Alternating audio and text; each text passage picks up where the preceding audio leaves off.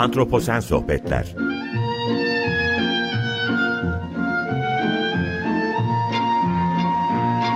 Hazırlayan ve sunan Utku Perktaş Merhaba, iyi akşamlar herkese. Antroposen Sohbetlere hoş geldiniz. Ben Utku Perktaş. Bugün Antroposen dönemde biyoçeşitlik üzerine insan etkisi ve sonuçlarını afetler başlığıyla konuşmaya çalışacağız. E, Afetlerle Yoksullaşma kitabından bahsedeceğim esasında bu başlık altında. İçinde olduğumuz insan çağında salgınlar, göçler ve eşitsizlikler gündemimizden düşmez oldu.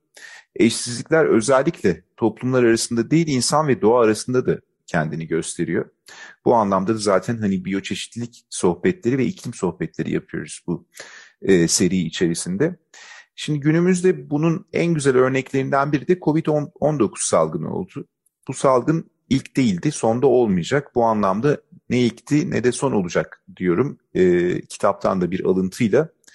Gel gelelim bu salgının kendine has sıra dışı özellikleri de var. En önemli sıra dışılıklardan biri salgın gibi afet olarak tanımlayabileceğimiz bu olayın esasında biyoçeşitliliğe insan müdahalesi sonucu ortaya çıkmasıydı. Bu durum biyoçeşitlilik krizine karşı bir farkındalık oluşturdu dünyada bizler arasında.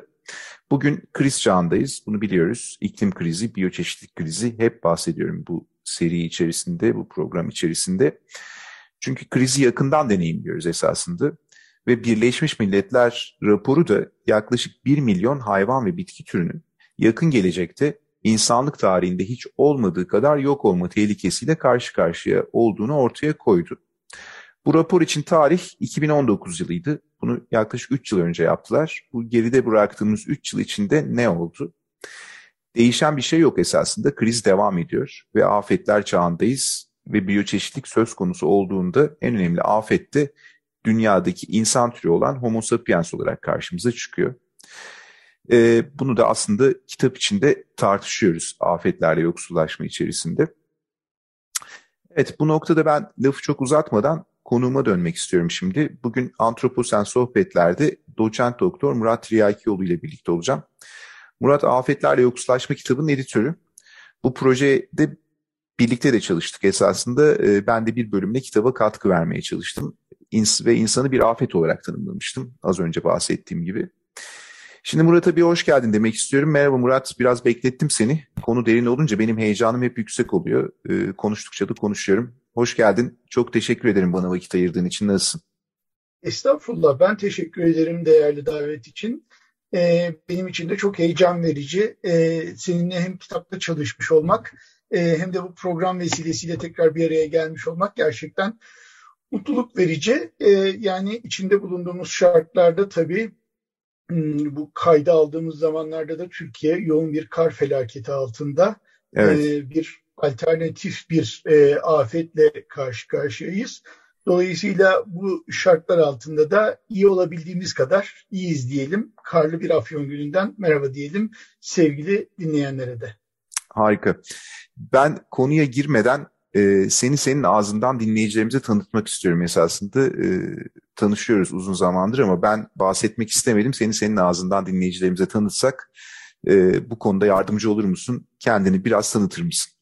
E, memnuniyetle Afyon Kocatepe Üniversitesi İktisat bölümünde öğretim üyesi olarak çalışıyorum ama evet. e, akademik olarak sadece iktisadi konular değil ilgi alanım. Daha interdisipliner e, olarak konuları, olayları araştırmaya, anlamaya hı hı. E, ve senin gibi e, farklı disiplinlerden değerli bilim insanlarıyla da bunları bütüncül bir çerçevede aktarmaya gayret ediyorum. Kalkınma e, ekonomisi aslında benim üzerinde çalıştığım alan ve daha çok teorik değil, pratik, insana dokunan, insana doğrudan ya da dolaylı olarak etki eden olayların iktisadi açıdan anlamlandırılmasına ilişkin meraklarım var. E, bu noktada da işte yeşil ekonomi, iklim değişikliği ekonomisi, afetler, göçler gibi konular e, öncelikli ve ağırlıklı olarak çalıştığım konular. Afet Bilinci Derneği adında bir derneğimiz var. Onu 2013 yılında kurduk ve çalışmalarını sürdürüyor. E, bir de bu konularla ilgili olarak yine naçizane öncülüğünü yaptığım e, kar amacı gütmeyen Yerli Yeşil Yeni adında bir sosyal kalkınma kooperatifimiz var. e, bu kooperatif aracılığıyla da Türkiye'nin hem yerli hem yeşil hem de yenilikçi üretimine dair hikayeleri derleyip anlatmaya devam ediyoruz diye özetleyebilirim. Harika. Çok teşekkürler. Şimdi ben Afetlerle Yoksullaşma kitabına geçeceğim. Beni de dahil etti kitabı. Çok teşekkür ediyorum. Çok da heyecanlı e, yazdığım bir bölüm olmuştu biyoçeşitlik hakkında. Şimdi bu noktada e, Afetlerle Yoksullaşma kitabı deyince bu kitap neden tasarlandı? Yani aslında Afetlerle Yoksullaşma e, kitabının tasarımından öte adıyla ilgili çok güzel bir anekdotum var. Hı hı. E, senin de bünyesinde yer aldığın Hacettepe Üniversitesi'nde e, HÜSPAM'ın düzenlediği bir panelde konuşmacı olarak davetliydim. E, bu vesileyle evet. e, tüm HÜSPAM ekibine de tekrar selam ve sevgilerimi ileteyim.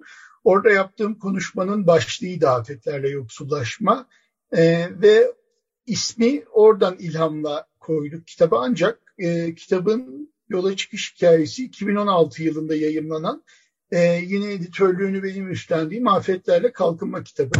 Afetlerle Kalkınma kitabının devamı niteliğinde aslında içinde bulunduğumuz dönüşüm sürecinin e, krizlerin, e, salgının e, gittikçe e, etkisi artan ve kırılganlığı artan kitlesel göçlerin, Evet. E, ki göçlerin e, önemli bir kısmı da artık iklim temelli göçler, iklim mültecileri olarak adlandırdığımız e, kesim de e, savaş, siyasal baskılar, rejim baskısı gibi e, sebeplerle ülkelerini terk etmek zorunda kalan insanlardan daha az değil ne yazık ki. E, bu kapsamda da aslında e, pandeminin hayatımıza girmesi ve gerçekten çok ciddi, çok büyük dönüşümlere işaret etmeye başlamasıyla birlikte Afetlerle Kalkınma kitabının devamı niteliğinde ondan bir parça daha interdisipliner hale getirdiğimiz e, ve işte senin gibi değerli bilim insanlarının, işte biyoloğun, sosyoloğun, psikoloğun, iktisatçının, e, toplum bilimcinin e, katkı sağladığı e, bölümlerden müteşekkil e, bir derleme ortaya çıkmış oldu. Yani afetlerle kalkınma aslında e, bir parça e, romantik ve iyimser bir yaklaşımdı. İçinde bulunduğumuz olumsuz dönüşüm ne yazık ki artık realist bir iyimserliğe doğru itiyor bizi. Afetlerle yoksullaşma asla kötümser değil ama e, realist olarak iyimser ve hala bir umudumuz olduğunu anlatan e, bir derleme olarak ortaya çıktı. Harika. Çok da güzel oldu. Hani farklı disiplinler dedik ya bu farklı disiplinleri çok iyi birleştiren bir kitap olarak ben elime aldığımda görmüştüm. Ben yazdığım bölüm ötesinde üç farklı ana başlık altında esasında e, yoksullaşma kavramını ki ben ekoloji kısmına destek vermiştim ama o bile kendi içinde çok güzel yazılarla e, derlenmişti ve aradaki bağlantılar çok iyi kurgulanmıştı. O yüzden hani bu farklı disiplinlerle e, sürdürdüğüm bu işi gerçekten ben iyi yaptığını düşünüyorum. O yüzden e, yeri gelmişken bir kez daha tebrik ediyorum kitap için. Şimdi Murat bu, bu süreç ne ilk ne son olacak demiştin aslında kitabın ön sözünde. E, artık yaşadığımız gezegende hiçbir şey e, bu anlamda bugünkü yaşadığımız deneyimlere dikkate alınca hiçbir şey eskisi gibi olmayacak mı? Yani ne yazık ki olmayacak. Yani bu bu bir taraftan ne yazık ki diye cümleye başlamamın sebebi kırılganlıkların, eşitsizliklerin çok daha sert bir biçimde arttığı. Ee, bir taraftan da aslında görmezden geldiğimiz gerçeklerle de e, yüzleştiğimiz bir süreç olduğu için hmm, artık eskisi gibi olmayacağı kesin. Hem iktisadi açıdan hem toplumsal açıdan hem de ekolojik açıdan. Ee, bir taraftan tabii ekolojiyle ilgili e, senin programında ve senin yanında konuşmak çok haddim değil ama e, bir parça e, ekolojik açıdan doğayı rahat bırakabilirsek insanlar olarak yani programın başında da belirttiğin gibi afet olarak insanı tanımladığımızda e, doğanın dengesini bozmaktan vazgeçersek doğa bir şekilde kendi dengesini sağlamaya, kendini çok hızlı bir şekilde onarmaya devam ediyor. İşte ne yazık ki geçtiğimiz yaz yaşadığımız büyük yangınlar hı hı. E, ancak büyük yangınlar sonrasında da toprağın ve doğanın kendini iyileştirebilme kabiliyetine de çok kısa süre içinde şahit olmuş durumdayız. E, toplumsal ve ekonomik açıdan baktığımızda tabii eşitsizlikleri çok ciddi ölçüde arttıran bir e, sürecin içindeyiz. Yani iş ve gelir kaybı çok yüksek düzeyde olduğu, özellikle hizmetler sektörünün büyük ölçüde durması, sanayinin kısmen durması, tedarik zincirlerinin aksaması e, hem bir taraftan e, büyük tehditlerle ne ölçüde ne şekilde karşı karşıya olduğumuzu gösterdi.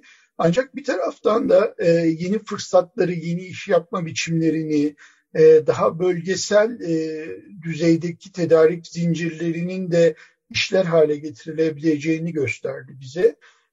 ne olursa olsun el cümle işin özünde günün sonunda hiçbir şeyin eskisi gibi olmayacağı açık.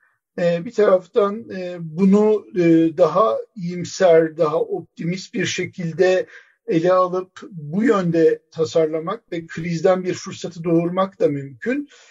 ama öte yandan da işte kapitalist sistemin gerçeği, ülkeler arasındaki en temel eşitsizlik ilk evvela hangi alanda gözümüze çarpıyor diye sorulduğunda da benim aklıma aşı eşitsizliği geliyor. Gelişmiş ülkelerin, gelişmekte olan ülkelere ya da az gelişmiş ülkelere aşı verme, aşıyı paylaşma konusundaki çekimser tavrı e, ne yazık ki pek çok şeyin e, daha da olumsuz bir şekilde evrilmeye devam edeceğini işaret ediyor. Anlıyorum.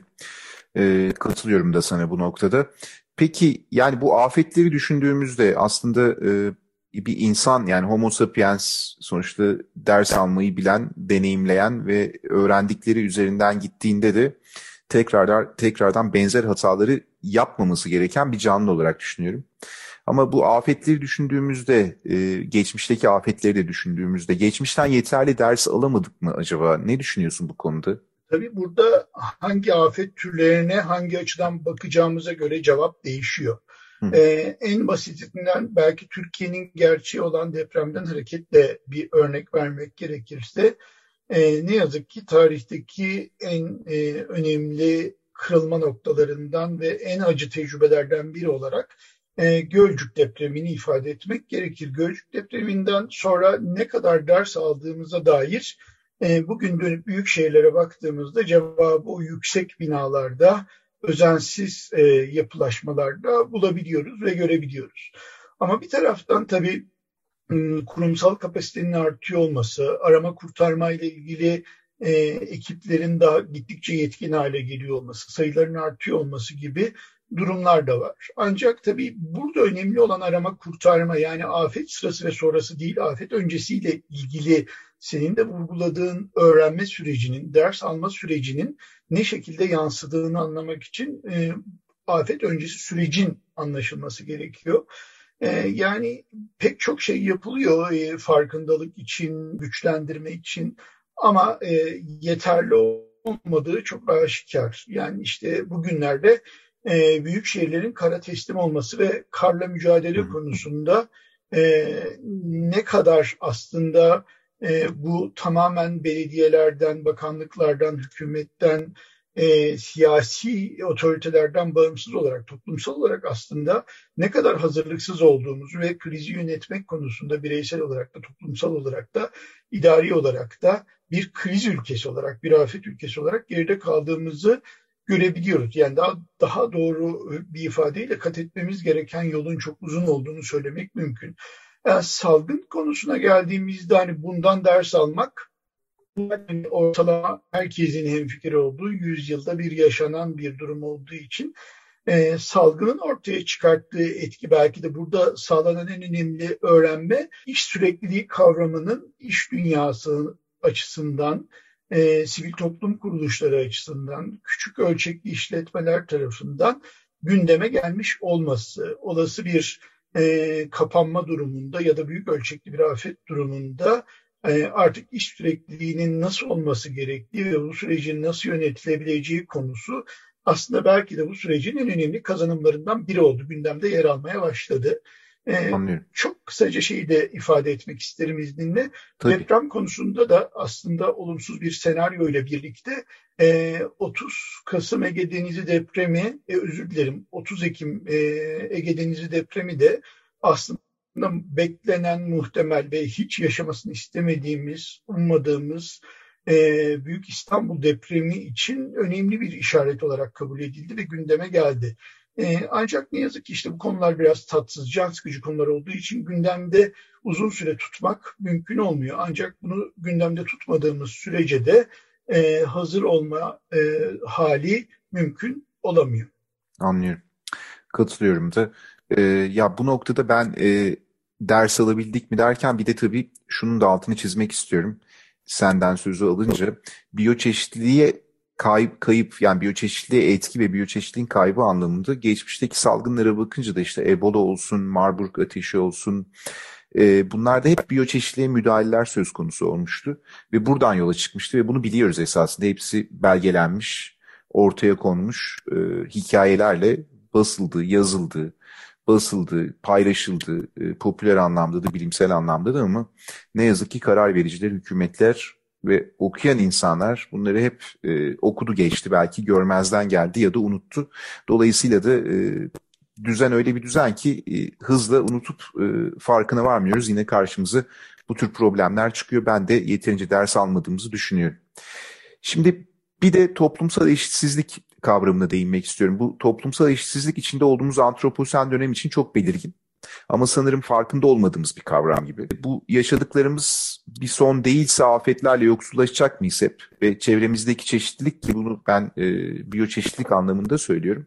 Sürekli tehdit altında mı olacak? Yani doğada yoksullaşan insan ile sürekli yoksullaşmaya mı devam edecek? Yani o kadar ince çizgili sorular ki çok teşekkür evet. ederim. Ee, çok da e, önemli ve genel çerçeveyi, büyük resmi görmeye çalışmak için de çok doğru sorular. Teşekkür ederim.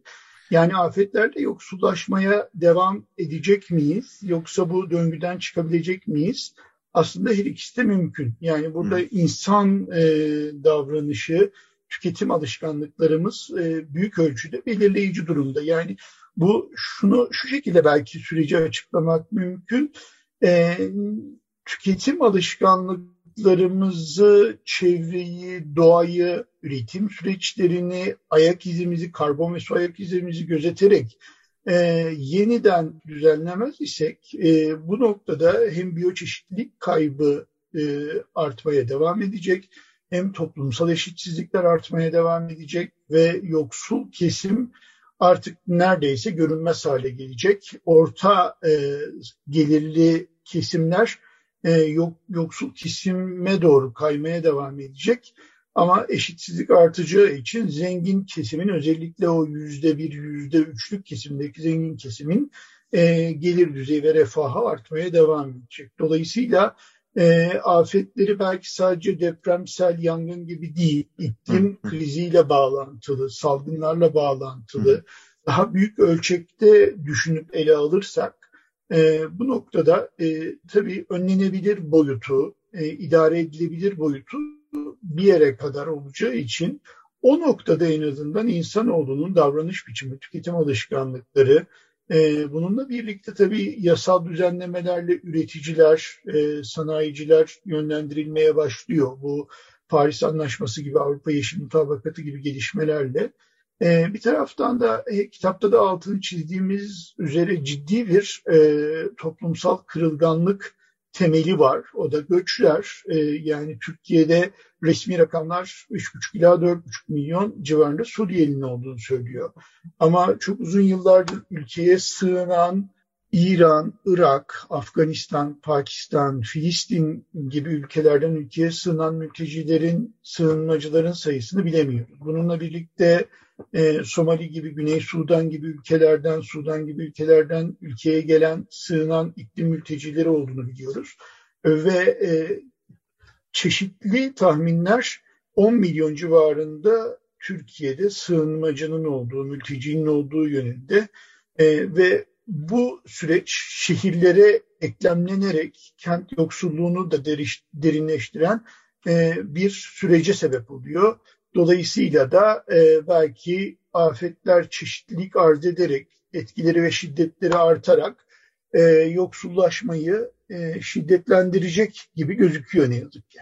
Anlıyorum. Bir de şeyi sormak istiyorum hemen yeri gelmişken e, yani bir 100 yıllık geçmişe bakacak olsak mesela 1929'dan günümüze yoksulluk anlayışı değişti mi Murat? Yani tabii ki bir değişimden bahsetmek mümkün. Yani yoksulluk e, yani yoksulluğun artışı azalması ya da yoksullukla mücadeleden öte yoksulluk türlerinin aslında hayatımıza girdiğini görüyoruz. Yani bunlardan biri mesela e, ekolojik açıdan yoksulluk. Hı hı. E, ekolojik açıdan yoksulluğu aslında doğayı hor kullanarak doğal kaynakları e, yeniden yerine koyup koyamayacağımızı gözetmeden kullanarak, tüketerek, kirleterek, yok ederek yaptığımız üretim süreçleri ve bunun e, sonucunda ortaya çıkan tüketim alışkanlıkları aslında ekolojik açıdan bizi yoksulluklarla karşı karşıya bırakıyor. Öte yandan tabii birazcık daha teknik gelecek belki kulağa ama e, teknolojik yoksulluklardan bahsediyoruz. Çünkü bu eşitsizlik toplumsal olarak olmakla birlikte e, ekonomik olarak da teknolojik olarak da ortaya çıkıyor. Bir taraftan çok ciddi bir e, dijitalleşmiş üretim sistemleri, ekonomik yapılar görülürken bir tarafta temel düzeyde internet bağlantısına bile sahip olamayan ya da sürdürülebilir düzeyde internet bağlantısına sahip olamayan e, toplumlardan, ülkelerden, ekonomilerden bahsediyoruz. E, bu da bize teknolojik yoksulluk, teknolojiye erişme ve teknoloji üretme konusunda ayrı bir bakış açısı olarak e, sunuluyor. E, bir diğer konuyu belki de beşeri sermaye yoksulluğu olarak ifade etmek gerekiyor. Hı hı. O da ülkelerin aslında az gelişmişlik döngüsü içinde e, kendi beşeri sermaye birikimlerini sağlayamaması, eğitim ve sağlık için yeterince e, kaynak ayıramaması ve eşitsizliğin gittikçe derinleşmesiyle e, nitelikli iş gücünün ortaya çıkamamasıyla ilgili e, bir sürecin sonucu olarak beşeri sermaye yoksulluğundan da bahsetmek mümkün. Yani kabaca belki bu üç başlık altında yeni yoksulluk türleri olarak, yeni yoksul düzen olarak ifade edebiliriz bunları. Doğru. 1929 farklı bir kriz dönemiydi esasında. E, o yüzden hani 1929 demiştim. Çok teşekkür ediyorum. Son sorum afetler, eşitsizlikler anlamında e, biyoçeşitlik krizi içindeyiz bu dönemde hani hep altını çiziyorum bu programda. Bunu nasıl yorumluyorsun? Yani senin perspektifinden kısaca ne söyleyebilirsin? Programın yavaş yavaş sonuna geldik sayılır. E, bu soruyu da bitireyim. Teşekkür ederim. Yani e, biyoçeşitliliği korumaya devam etmediğimiz sürece afetlere çok daha açık hale geliyoruz ve daha kırılgan hale geliyoruz. Aslında bu bir kısır döngü, bir açmaz. Yani afetler biyoçeşitliliğin azalmasına neden oluyor. Biyoçeşitlilik azaldıkça afetlere daha açık ve daha kırılgan hale geliyoruz. Bu kısır döngüyü kırmanın yolu da e, belki benim çok da önem verdiğim bir kavram olan bu onarıcı tarımdan, toprağın kendi haline bırakılmasından, e, hiçbir şey yapmama anlayışından, toprağa ilişkin, kimyasal kullanmama, toprağı sürmeme, doğaya birazcık müsaade etmeyle e, ilgili belki bu soruyu cevaplamak lazım. E, dolayısıyla e, biyoçeşitlilik yoksa zaten hayat yok, insanlık yok, yaşam yok. E, ve bu noktadaki açmazı engellemenin yolu da tüketici olarak bizim belirleyici olduğumuz husus. Yani biz neyi tükettiğimizi e, neden tükettiğimizi bilirsek, e, çevreye duyarlı ürünleri talep etmeye e, başlarsak üretici de bu noktada kendi gardını alacak ve müteselsil olarak bu iyileşmeye de katkı sağlamış olacağız diye özetleyebilirim. Zamanın ne kadar hızlı geçtiğinde bir kez daha senin keyifli sohbetini anlamış oldum. Teşekkür ederim. Ben çok teşekkür ediyorum. Sohbet akıcı olunca ben hep diyorum e, konuklarımla böyle bir anda uçup gidiyor.